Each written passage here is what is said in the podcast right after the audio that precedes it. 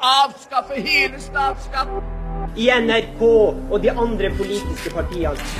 Morna, Jens! Hvorfor skal jeg det? Skal jeg sitte og høre på sånn surreprat som dette her? Det gjør jeg ikke. Hei sann, hopp sann, alle sammen. Jeg heter Simen Velle, og du er hjertelig velkommen tilbake til en splitter ny og rykende fersk episode av Radio Frihet. Dagens gjest det er en dame vi alle har et nært forhold til. Ikke bare er hun vår øverste leder og vår viktigste stemme, men hun har bein i nesa og en imponerende evne til å hisse på seg alt fra journalister til sosialister. Velkommen skal du være, Sylvi Listhaug. Tusen takk for det. Eh, jeg vil tro de fleste som lytter til denne podkasten, kjenner deg relativt godt gjennom aviser og TV-opptredener osv. Men, men hvordan vil du beskrive deg selv? Nei, altså jeg Ja, hva jeg skal si? Jeg er ganske sånn utålmodig. Mm. Eh, Jeg liker veldig godt å, å jobbe og, og er veldig engasjert i det jeg holder på med til enhver tid. Mm. Og så er jeg veldig opptatt av familien. Jeg har jo tre barn, og det er jo det, det, er jo det viktigste i livet. Så det er jeg veldig glad for at jeg har dem på hjemmebane. Og selvfølgelig en mann som har gjort en strålende innsats. Så til alle dere unge damene, det viktigste valget dere gjør i livet, det er hvem dere blir sammen med. Det er et veldig godt poeng. Og helt apropos det tidligere i år, så, så, så gikk jo Une Bastholm, lederen av MDG, ut og sa at hun ikke kom til å ta gjenvalg. Eh, Og, og mye av det handlet om nettopp dette med familiesituasjonen og, og det å oppdra barn og sånne ting. Hvordan har det påvirket deg å være småbarnsmor og nestleder og statsråd og såpass profilert som du er? Ja, altså jeg mener jo det har vært en stor fordel. Fordi Ja. at det at du kjenner på denne tidsklemma, at du forstår hvordan barnefamilier har det. Mm. Det er en veldig hektisk periode. Det at du har vært gjennom å få barn og systemet rundt det. Barnehager, skoler. Mm. Det gjør jo at du har en annen mulighet for å forstå Eller vite hvordan ting fungerer, da. Mm. Kanskje. Eh, Så jeg, for min del så har det vært veldig en stor styrke. Og så sette ting i perspektiv. Så selv om jobben er altoppslukende, så vet du hele tida at du har noe som er enda viktigere enn jobben, og det er familien. Så det er veldig kjekt. Og spesielt når det stormer som verst, så er det da, da er det en påminnelse om at det er ikke jobben som er viktigst. Det Men viktigste er det jo hjemme. Det, det er egentlig et perspektiv jeg ikke har tenkt over før. Fordi den tidsklemma må jo være helt enorm. Ja, det er klart det, det er jo sånn hjemme hos oss at det, jeg er der jo sånn når, når jeg er der. Mm. Og ellers så må livet hjemme hos oss gå sin gang. Og det betyr Mm. at det er jo mannen min som har hovedansvaret for både barnehage, oppfølging, skole, eh, hjemme. Så bidrar jeg godt når jeg først er hjemme og har muligheten til det. Mm. Men det er klart de fleste har sett at jeg reiser en god del. Og, det, og da, da blir det mye som faller på det hjemme. Altså Jeg har vokst opp med, med to foreldre som jobber ganske sånn vanlig 8 til 4. Middag hjemme hver dag, sånne type ting. Får du mye kommentarer på at du er mye borte? Å ja. Fra barna, ja. Ja, du får høre det, ja. Ja, det syns jeg er mye på jobb. Ja. Og jeg får høre det at eh, når de var små, sa de mamma, du var så mye borte når vi var små. Så Mm. det er klart, det, det er jo ikke noe sånn Det, det, Det stikker det stikker jo litt, det. Ja. Selvfølgelig. Du går glipp av mye. Mm. Eh, men samtidig så blir du kanskje enda flinkere til å sette pris på den tida du har sammen med dem. Mm. Tid som kanskje, hvis du er der hele tida Der går livet sin gang. Mens for meg så blir det eh, virkelig å bruke den tida og nyte den tida. Kanskje enda mer enn det man gjør hvis man har bedre tid. Ja, så, ja, så du har mindre tid, men du på en måte utnytter den mer effektivt, da. Ja, jeg tror jeg, så setter jeg kanskje enda mer pris på den tida jeg er sammen med deg, da. Når jeg først er der. Det er godt å høre. Men eh, jeg, jeg tror de fleste vil kalle deg en ganske sånn trygg politiker. Du, du virker jo veldig trygg på deg selv og meningene dine, og du, du framstår jo irriterende rolig ofte i, i en del harde debatter. Har du alltid vært så trygg som du er? Ja, jeg har nok alltid sånn sett eh, stolt på meg sjøl Mm. og stått for det jeg står for. Men det er klart med tida så blir han jo mer erfaren. Så i, når jeg starta med politikk, så var det jo sånn at jeg måtte jo jobbe med meg sjøl for å gå på talerstolen. Jeg hadde- så husker jeg satte meg mål. Jeg var på mitt første landsmøte i Geiranger i år 2000. Og da satte jeg meg som mål at om to år da skal jeg stå på talerstolen På FrPs landsmøte. på FrPs landsmøte. Så da måtte jeg bruke de to åra på å ta ordet i eh, lokallagsmøte, i styremøte, i FPU. Altså jeg måtte bygge opp litt etter litt. Eh, både motet og, og ikke minst også egentlig eh, ja, lære meg til å holde taler. Da. Så, så, så, så jeg har alltid jobba litt sånn systematisk. Og, og har det som utgangspunkt at ingen som er født uh, eksperter på ting eller flink. Det kreves uh, øvelse. Selv om man selvfølgelig kan ha talent for, uh, for å holde på med noe. Jeg vil jo tørre å påstå at du har Det er nok ikke bare trening som ligger bak den Sylvi vi ser på TV. Du, du, du har nok et, et, et solid talent som du har, som du har bygd på. Men, men hvis du skulle gitt noen tips til, til unge FPU-ere som har lyst til å lyst til å utvikle seg i den retningen, hva, hva, hva vil du si at er de viktigste tingene å, å, å tenke på? Én ting er å være tålmodig. Altså det å, å jobbe mer langsiktig. Eh, og, og taper man en nominasjon, så må man jobbe videre mot neste.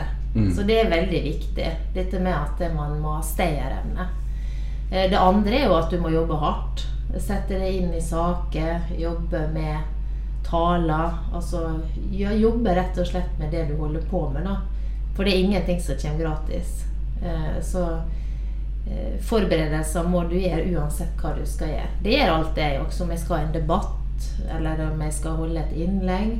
Må forberede Du forbereder deg fortsatt, altså? Å ja, ja, ja. Det må du gjøre. Alltid. Den dagen du slutter med det og tror du er ekspert, da bør han finne seg noe annet å gjøre. Ja.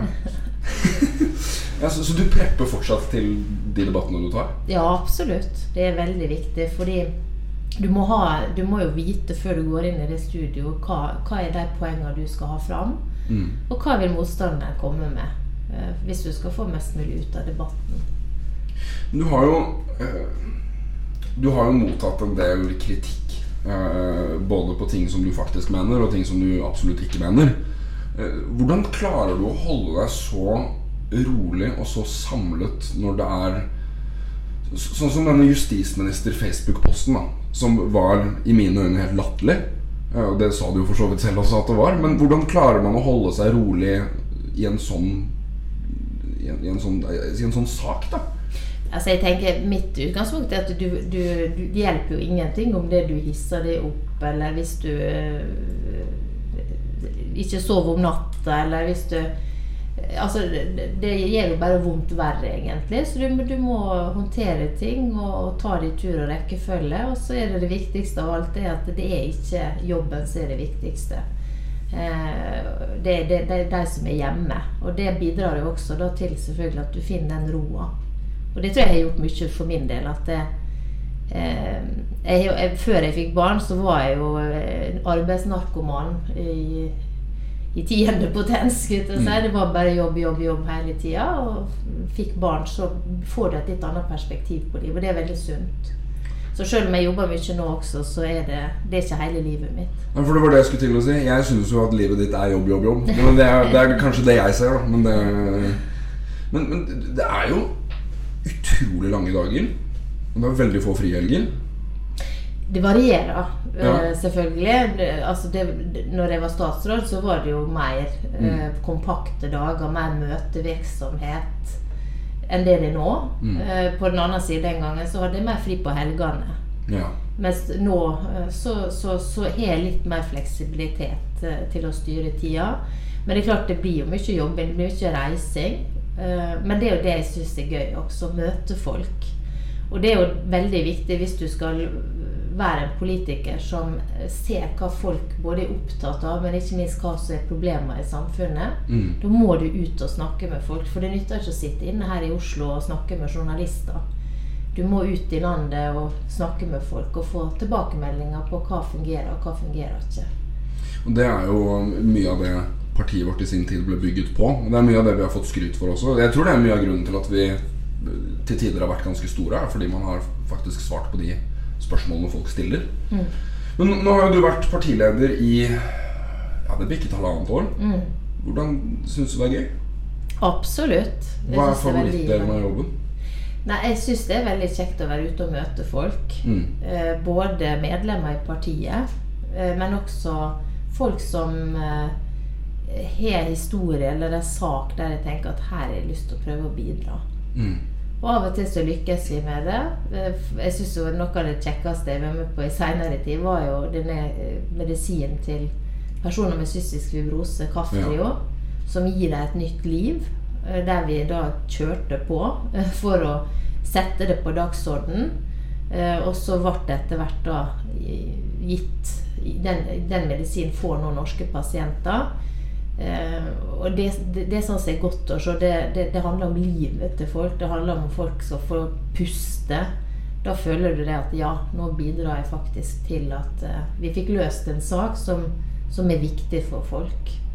Og, Det er ikke sikkert alle lytterne har, har fått med seg den saken. Cystisk fibrose er jo en, en sykdom som gjør deg blind gradvis. Stemmer det? Nei, det er en eh, lungesykdom som gjør at okay. du Det er som å puste gjennom et sugerør. Ok. Eh, Det har ikke vært noe særlig god behandling for den sykdommen, men det kom en ny medisin som heter Kaftrio, Ja. og som gjorde at du, du fikk opp det slimet fra, fra, så, som, fra halsen og fra lungene. Mm. eh, Som, eh, som mange måtte sitte i flere timer hver dag og hoste opp. Ja. Um, og som gjorde at du fikk veldig dårlig lungekapasitet. Gradvis dårligere og dårligere. Med det selvfølgelig som utsikter at mange døde tidlig. Ja. Eh, Den nye medisinen gjør at du, du får opp dette slimet. Eller det, det, kroppen, eh, kroppen fungerer mye bedre, lungene fungerer bedre. Mange har fått økt lungekapasitet etter de starta på medisinen. Mm. Men Norge tok ikke den i bruk før det gikk etter to år, senere enn Danmark f.eks. For eksempel, fordi Ja. det var for dyrt. Så man satte altså penger foran menneskeliv. Eh, Så, så det at vi fikk løst den, er bra. Men det er jo fremdeles sånn at det, mange medisiner får ikke norske pasienter fordi at man sier det er for dyrt.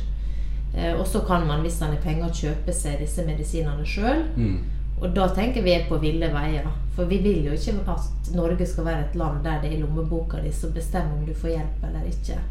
Så det systemet er viktig for oss å få endra, sånn at Norge blir eh, raskere i å ta i bruk livsnødvendige medisiner. Og, og, og det er jo på en måte det Altså, jeg er veldig fokusert på skattepenger og på, på velferdsstatens bærekraft og de tingene her. Og, man snakker veldig ofte om prisen på en medisin eller på en behandling eller på en plass. Men hva er alternativet, da?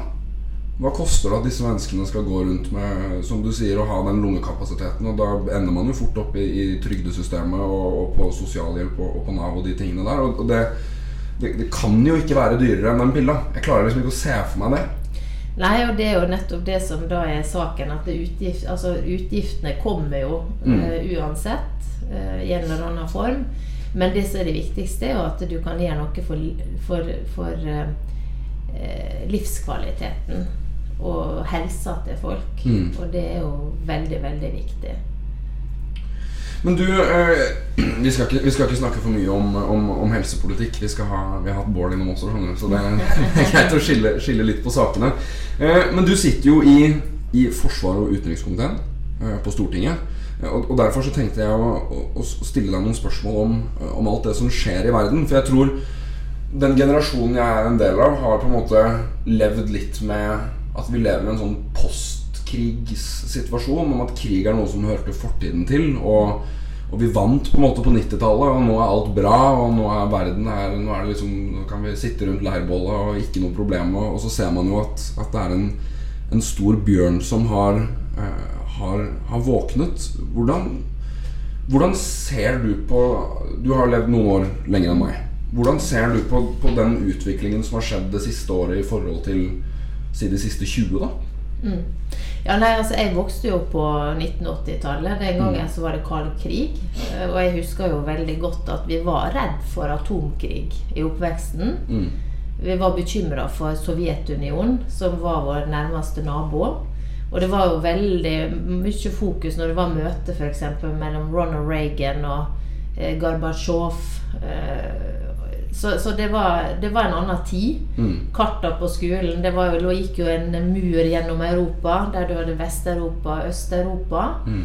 Eh, og så kom da murens fall eh, og kommunismens eh, fall. Eh, I 1989 starta jo det med, med Berlinmuren. Eh, og det var jo Det, det kom jo som eh, julekvelden på kjerringa. Det var ingen som hadde forutsett det.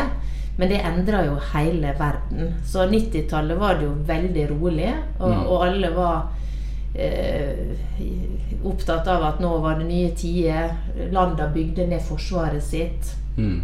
Eh, så, så det var, så, men, men jeg husker den følelsen, ja. At vi var bekymra og, og litt småredde når vi vokste opp eh, over eh, vår nabo i øst. Så det som har skjedd nå, er jo på mange måter at vi, vi er blitt litt satt tilbake til, til det. Og vi må erkjenne det at verden er ikke så trygg og så oversiktlig som den var. Snarere tvert imot kanskje enda mindre oversiktlig enn det var i 1980-tallet. For da hadde du en slags terrorbalanse. Mens Ja. det vi ser nå, er at vi har Russland, vi har Kina, vi har flere aktører som gjør at dette blir Det blir mer usikre tider, rett og slett. For eh, Så, så den eh, den, den frykten da som unge nordmenn kjenner på i dag Jeg blant annet er, jeg er genuint bekymra for krig. Jeg syns det er skikkelig ukomfortabelt, det som skjer rundt omkring. Den, de følelsene kan sammenlignes litt med hvordan det var å vokse opp under den kalde krigen. Ja, så vi, den bekymringa var jo der Mm. uh, hele tida. Fordi at uh, det var jo mye snakk om dette med atomkrig. Uh, det var så USA, Sovjetunionen. Så, så den, den vokste vi opp med. Um, så er jo nå Verden endrer seg selvfølgelig, men eh, vi ser jo det at vår nabo i øst nok en gang er eh, har gått ja, ja, er, har en veldig negativ utvikling. Har gått til angrepskrig på et naboland. Mm. Det sitter en person ved makta som, eh, som virker å være eh, ja, hva skal jeg si da, uforutsigbar er vel et begrep som kan brukes. Det var et snilt ord, syns jeg. Det var et veldig snilt ord. Men, men så, så, så ting har endra seg. Og jeg, jeg tror nok alle sammen er bekymra nå for den utviklinga vi ser. Eh, samtidig så er det jo heldigvis sånn at det er ikke noe som tyder på at det blir krig i Norge. Eh, I hvert fall ikke i nær framtid, og vi får jo håpe at vi aldri opplever det igjen. Mm. Men eh, litt av naiviteten er nok borte. Og de fleste ser vel nå hvor viktig det er at vi satser på Forsvaret. At vi er en del av Nato. Selv om du fremdeles har partiet i Norge som vil ut av eh, den viktigste forsvarsalliansen. Bare ikke akkurat nå. Ikke, ja, Rødt vil vel ut nå, men, eh, men eh, det sier jo sitt til at man lever i en utopi, altså. Hvis Mm. man virkelig tror at Norge greier å stå uh, alene i den situasjonen som er der nå. Mm.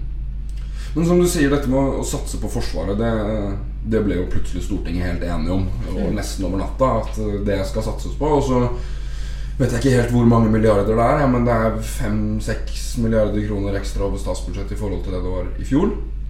Er det nok? Jeg tror at vi må belage oss på å bygge opp Forsvaret kraftig i åra som kommer. Hvordan vil du definere Eh, kraftig?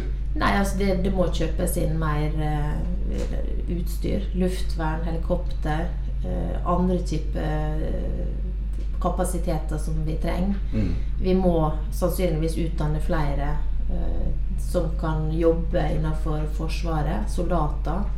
Vi må tenke på hvordan vi skal rigge Heimevernet i åra som kommer. Mm. eh, til en ny tid. Eh, og så tror jeg det er en viktig lærdom å ta med fra 90-tallet. Det at nå må vi ikke være så dum at vi bygger ned Forsvaret på nytt. Selv om det skulle komme roligere tider.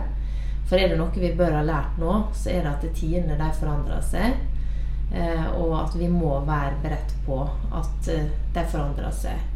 Og det var jo veldig interessant. Vi var og besøkte Finland. Mm. De har jo ikke bygd ned forsvaret sitt. I det hele tatt, egentlig. Ikke i det hele tatt. De har et enormt forsvar. Mm. Satser mye på det. De har jo også de har en mye lengre grense mot Russland enn det eh, Norge har. De har jo også hatt en krig mot Sovjetunionen den gangen. da.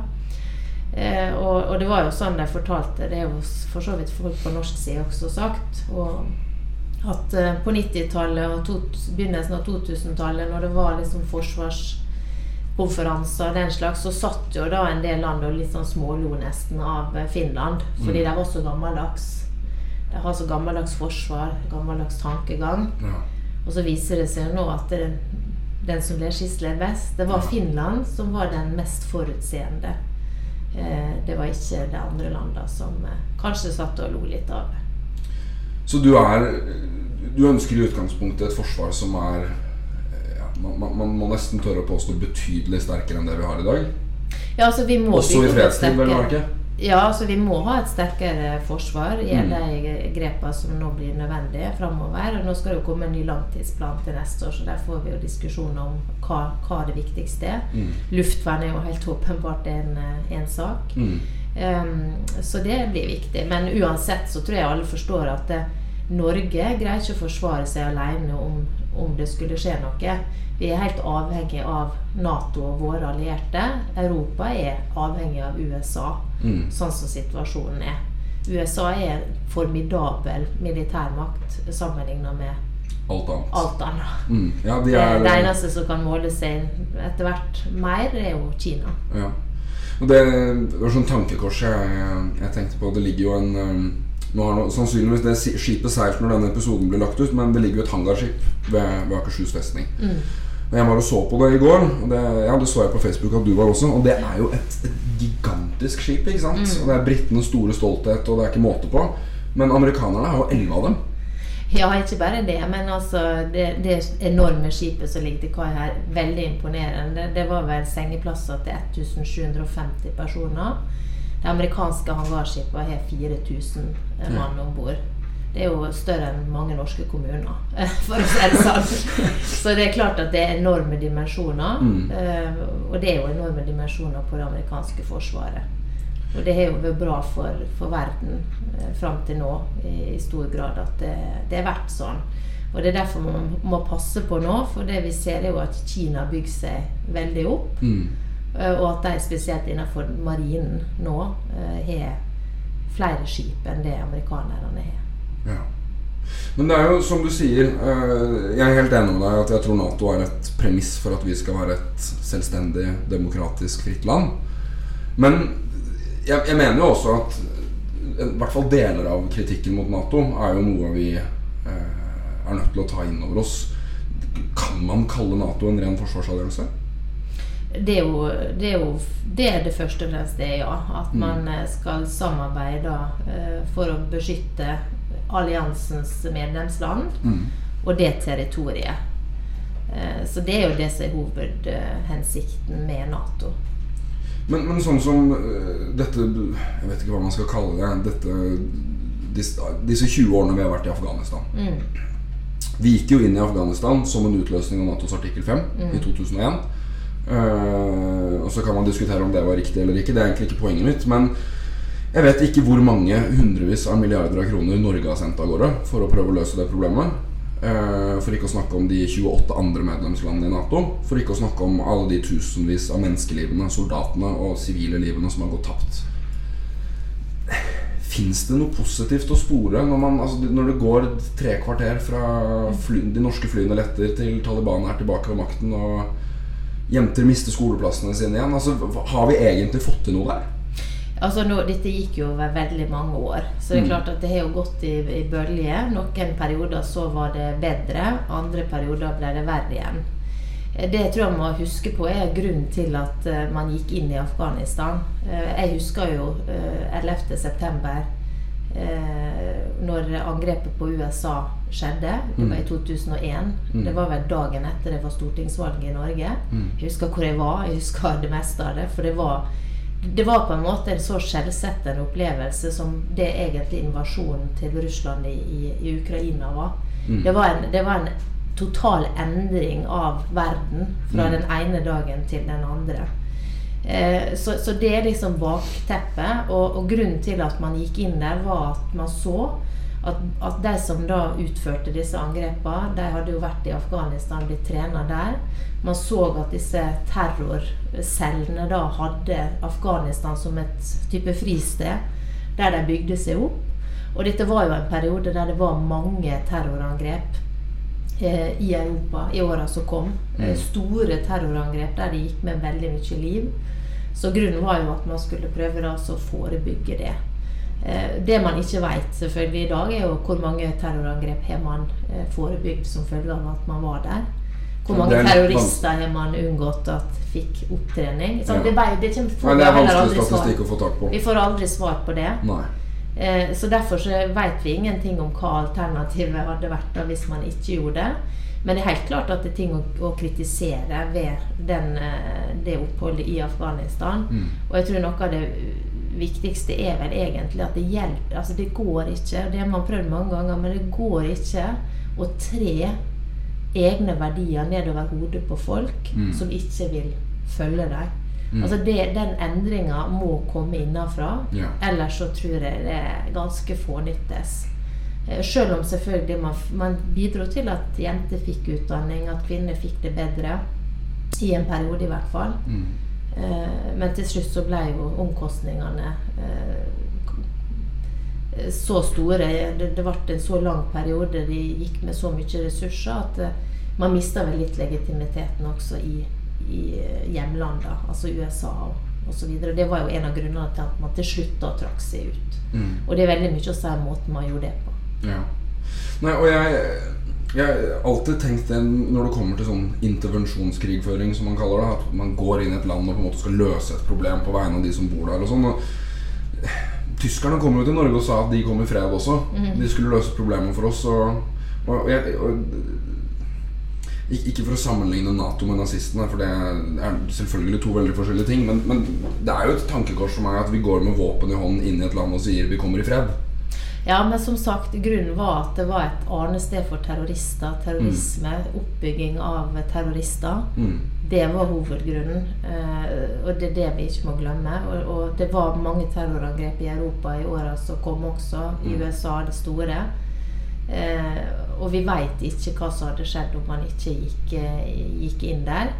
Eh, for det er klart at kampen mot terrorisme har det blitt brukt veldig mye ressurser på.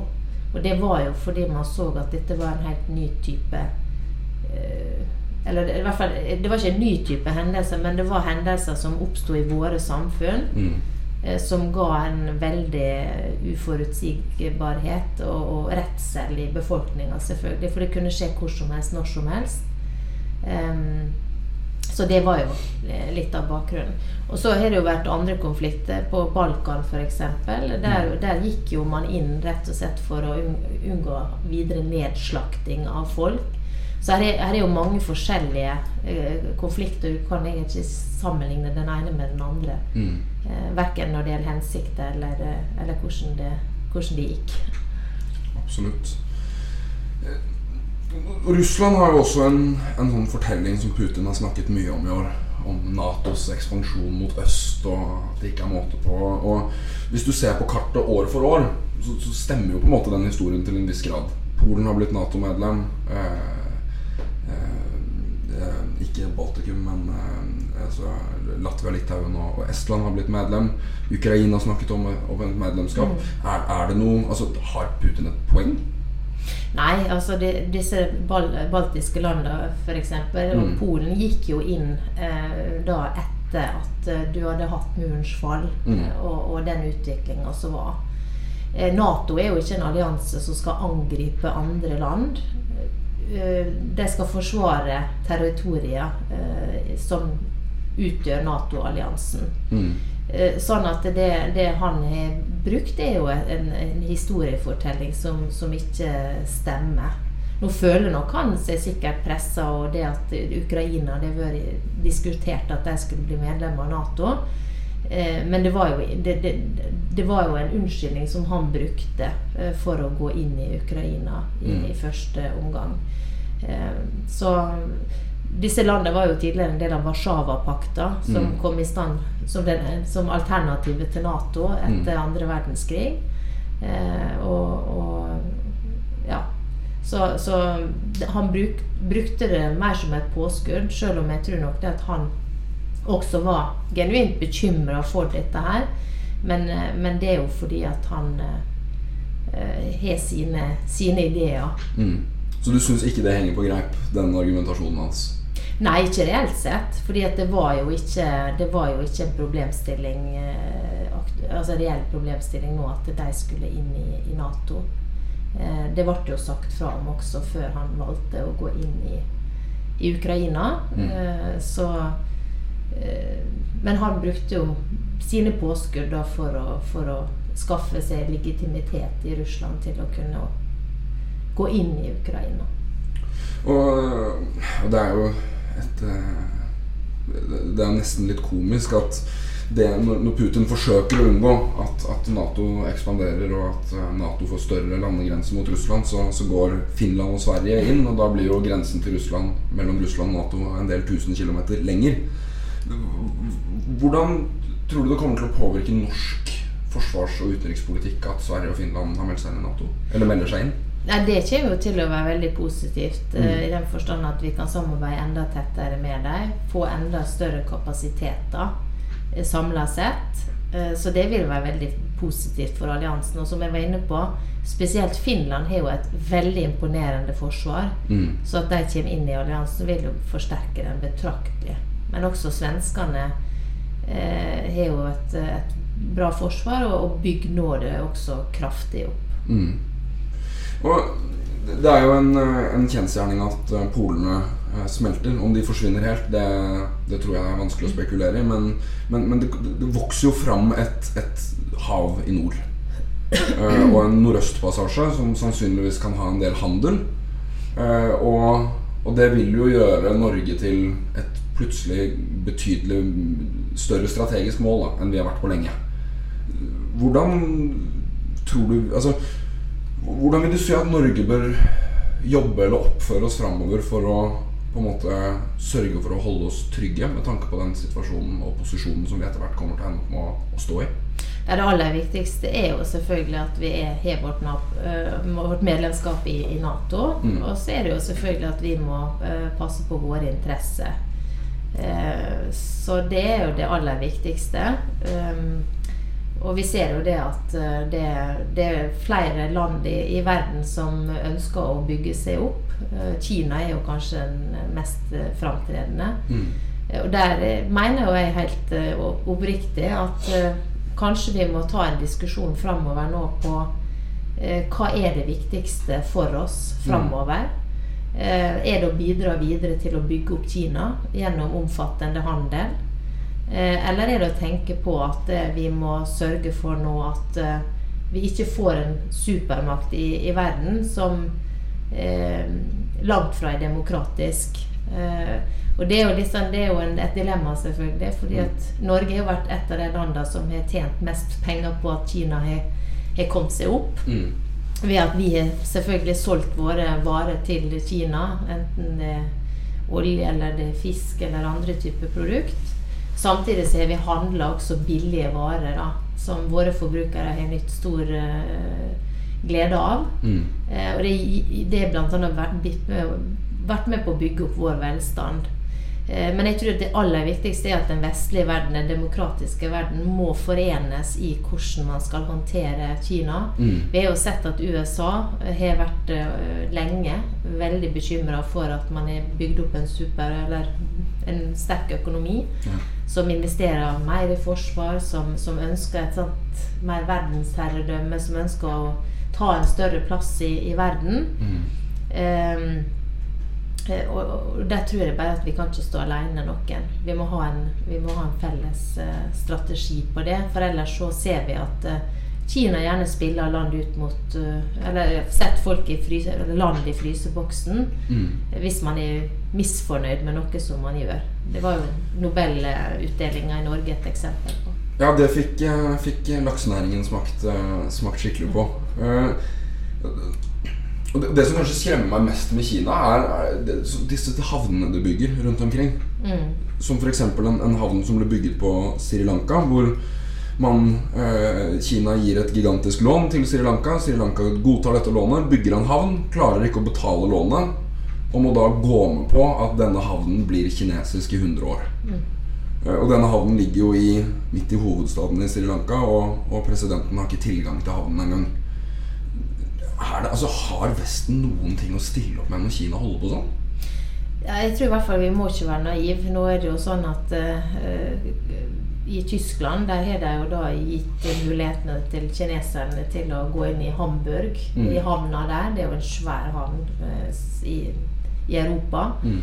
Jeg var jo i Afrika for noen år siden og reiste der eh, mens jeg var innvandringsminister.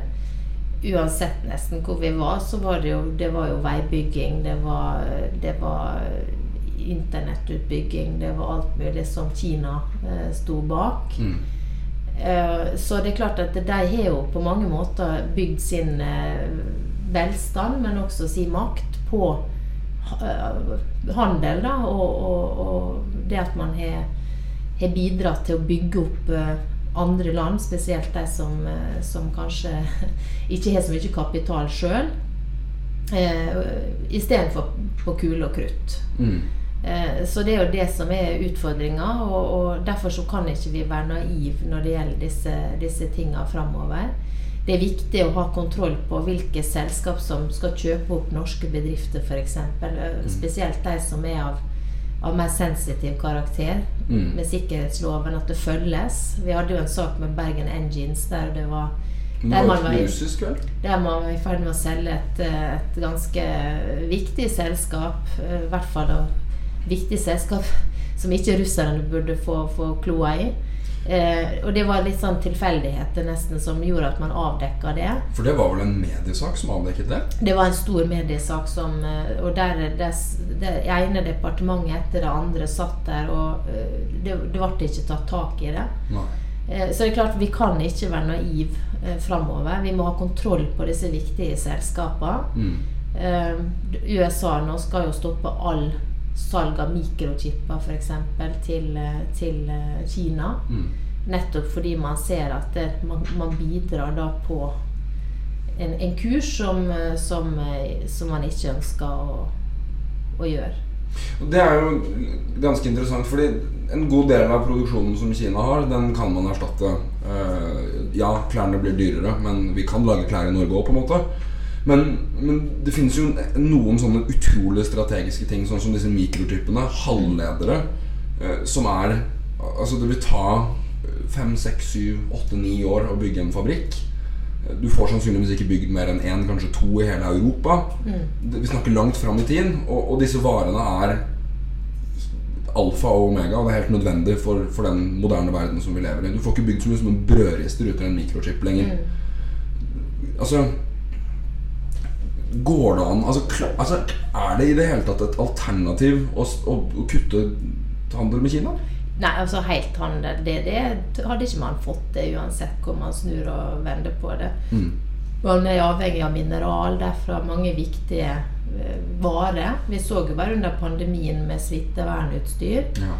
Men det gjorde jo også at mange begynte å tenke at vi kan ikke ha det sånn videre. Vi er nødt til å tenke beredskap. Vi er nødt til å sikre at det vi flytter mer av basal og, og, og viktig produksjon nærmere hjemme. Eh, Så det er jo, og det, det er jo en, en tankegang som nå gjenspeiles i, i hele den vestlige verden. Mm. Eh, Så, så det, det er klart at det fører jo til eh, at varene kan bli dyrere. Men samtidig er det jo noe som vi aldri kan gå gi slipp på. Da. Det er jo friheten vår, det er eh, sikkerheten vår. Og den tror jeg nok at for mange har blitt eh, fått opp øynene for at det, det kan ikke vi ta for gitt. Nei. Og vi må huske på det at i, i verden så er det noe over 8 som lever i demokratiske land som, som vårt. De aller fleste lever i land som ikke har eh, demokrati og den friheten som vi tar for gitt. Og, og jeg tror vi kan være enige om at demokrati er i hvert fall den beste måten vi har kommet på så langt for å, for å styre et land. Men, men jeg, jeg opplever at, at demokratiene har en slags akilleshæl. Og det er jo at Sånn som vi, da, når vi diskuterer strategi, så diskuterer vi fram til neste valg. Og når vi skriver program, så er det fram til neste stortingsvalg. Mens når Kina legger sine forskrifter og lover og vedtak, så tenker de en, en livstid fram i tid. Er det altså jeg, jeg tror vi kan være enige om at det er et problem.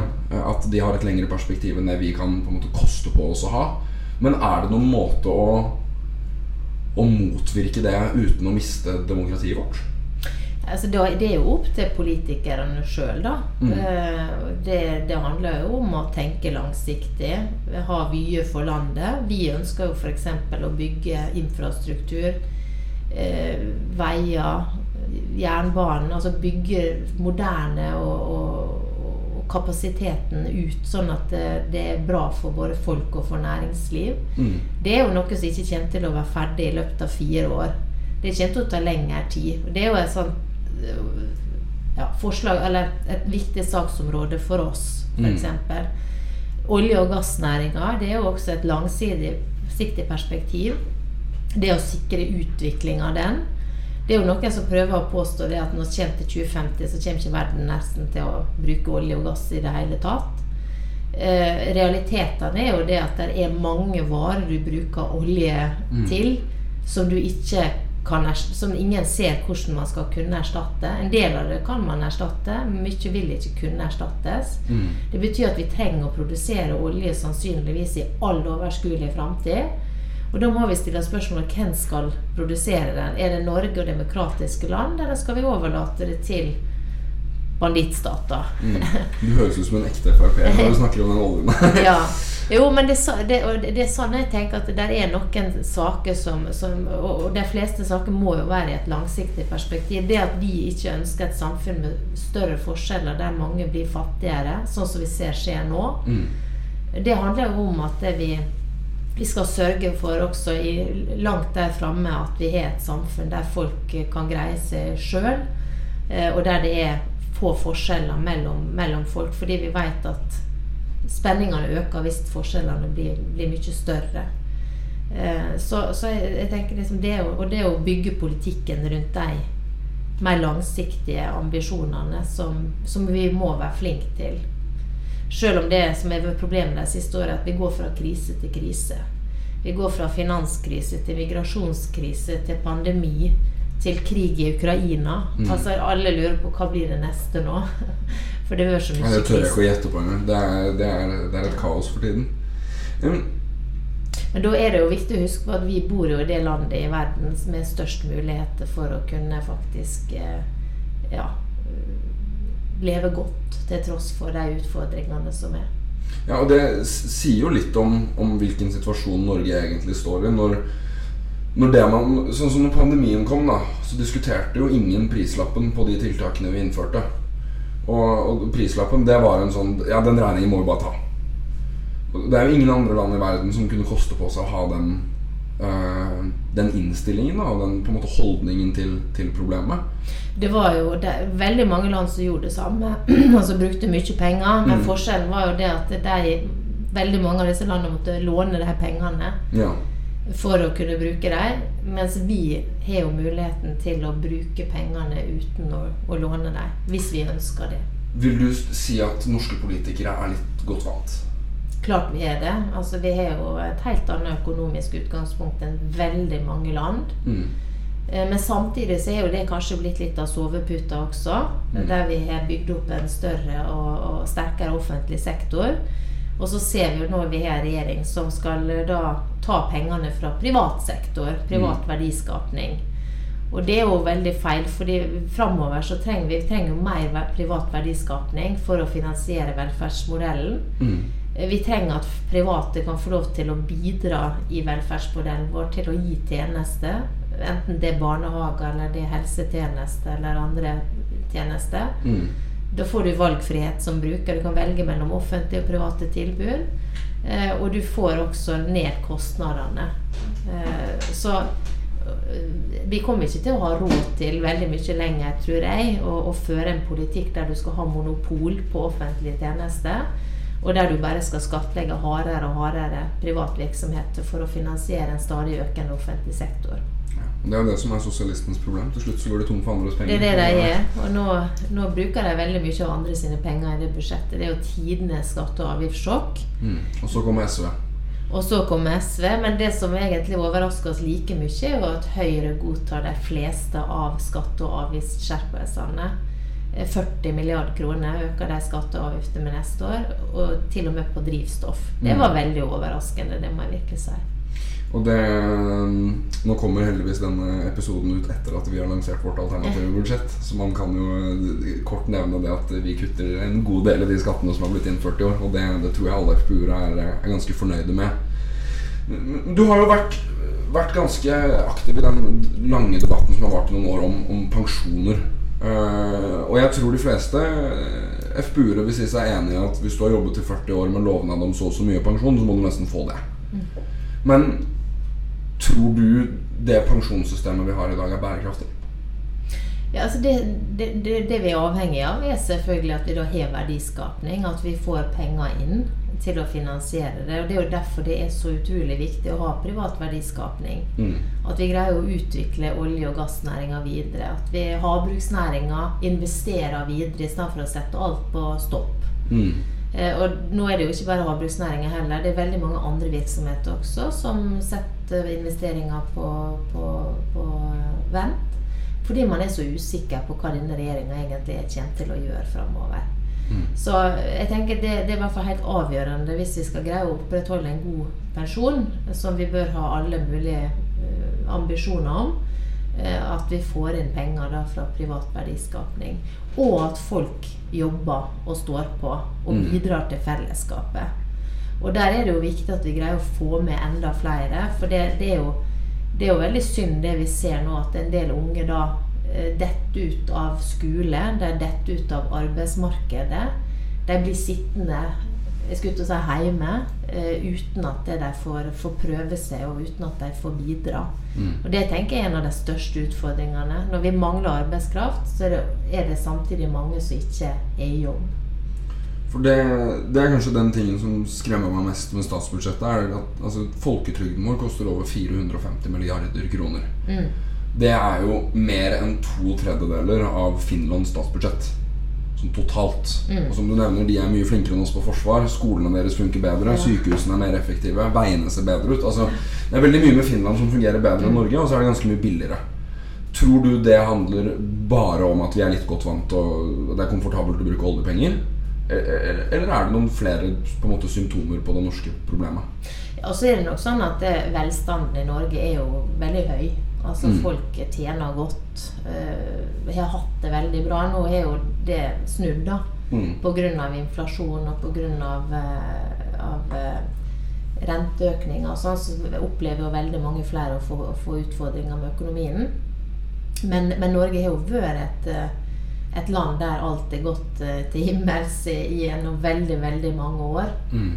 Eh, og det er klart, eh, Finland har ikke, skatt, altså de har ikke olje- og gassinntekter sånn som vi har. Mm. Eh, de har ikke så høye lønninger som det vi har. Mm. Så det er et annet samfunn. Men, men det, jeg mener det, det er en sovepute at vi har så mye penger som vi har. Og det gjør at det, det er jo blitt en sånn utvikling der man deler ut penger eh, til, til, til veldig mye da, i statsbudsjettet. Mm. Det er stadig flere som har fått poster på statsbudsjettet som man kanskje burde eh, revurdert, og som i hvert fall vi, vi ønsker å gjøre noe med. Ja, og det, det er jo egentlig litt interessant, eh, et interessant spørsmål. Hvor mye tror du det er mulig å kutte i et enkelt statsbudsjett? Hvis, Eh. hvis, hvis det hadde vært Sylvi Listhaugs statsbudsjett, hvor mye hadde du kutta da? Ja, nå skal vi jo legge fram vårt eh, alternative budsjett. Mm. Eh, og der kutter vi vel noe over 50 milliarder kroner. Mm. Og så plusser vi på eh, på de områdene som vi mener er viktige. Mm. På kriminalitetsbekjempelse, gjengkrim. Vi plusser på på, på pensjoner. Ikke minst minstepensjon, der folk da lever under EUs fattigdomsgrense. Mm. Vi plusser på på helse, for vi mener det er veldig viktig at vi, vi ja, satser på det. Eh, Vi plusser på på eldreomsorg. Eh, Vi fjerner avgifter, reduserer avgiftstrykket, lar folk få beholde mer av egne penger. Eh, Men vi gjør det da gjennom bl.a. Å, å stramme kraftig inn i offentlig sektor. Så du kan på mange måter si at vi flytter penger fra offentlig sektor over til vanlige folk. Ja, så fra drift av staten så går det til tjenestetilbud, rett og slett. For å gjøre ting bedre for folk. Ja, Eller det går til, til eh, folk og bedrifter sine bankkontoer, som gjør at de kan sitte igjen med mer penger og greie seg sjøl, istedenfor nå å måtte eh, ja, ty, ty til, eh, til hjelp fra det offentlige, eller for bedriftene da eh, kanskje ikke greier å videre vekst og utvikling, som Mm. vi er helt avhengig av at eh, bedriftene får til. Jeg tror de fleste diskuterer jo mye om, om hvor dårlig det går med, med den regjeringen som sitter nå. Uh, og mens vi satt i regjering, så tenkte jeg ofte at uh, dette var litt kaotisk. Og her var det mye armer og bein og bråk. Og så tror jeg de fleste savner Solberg II-regjeringen, til og med.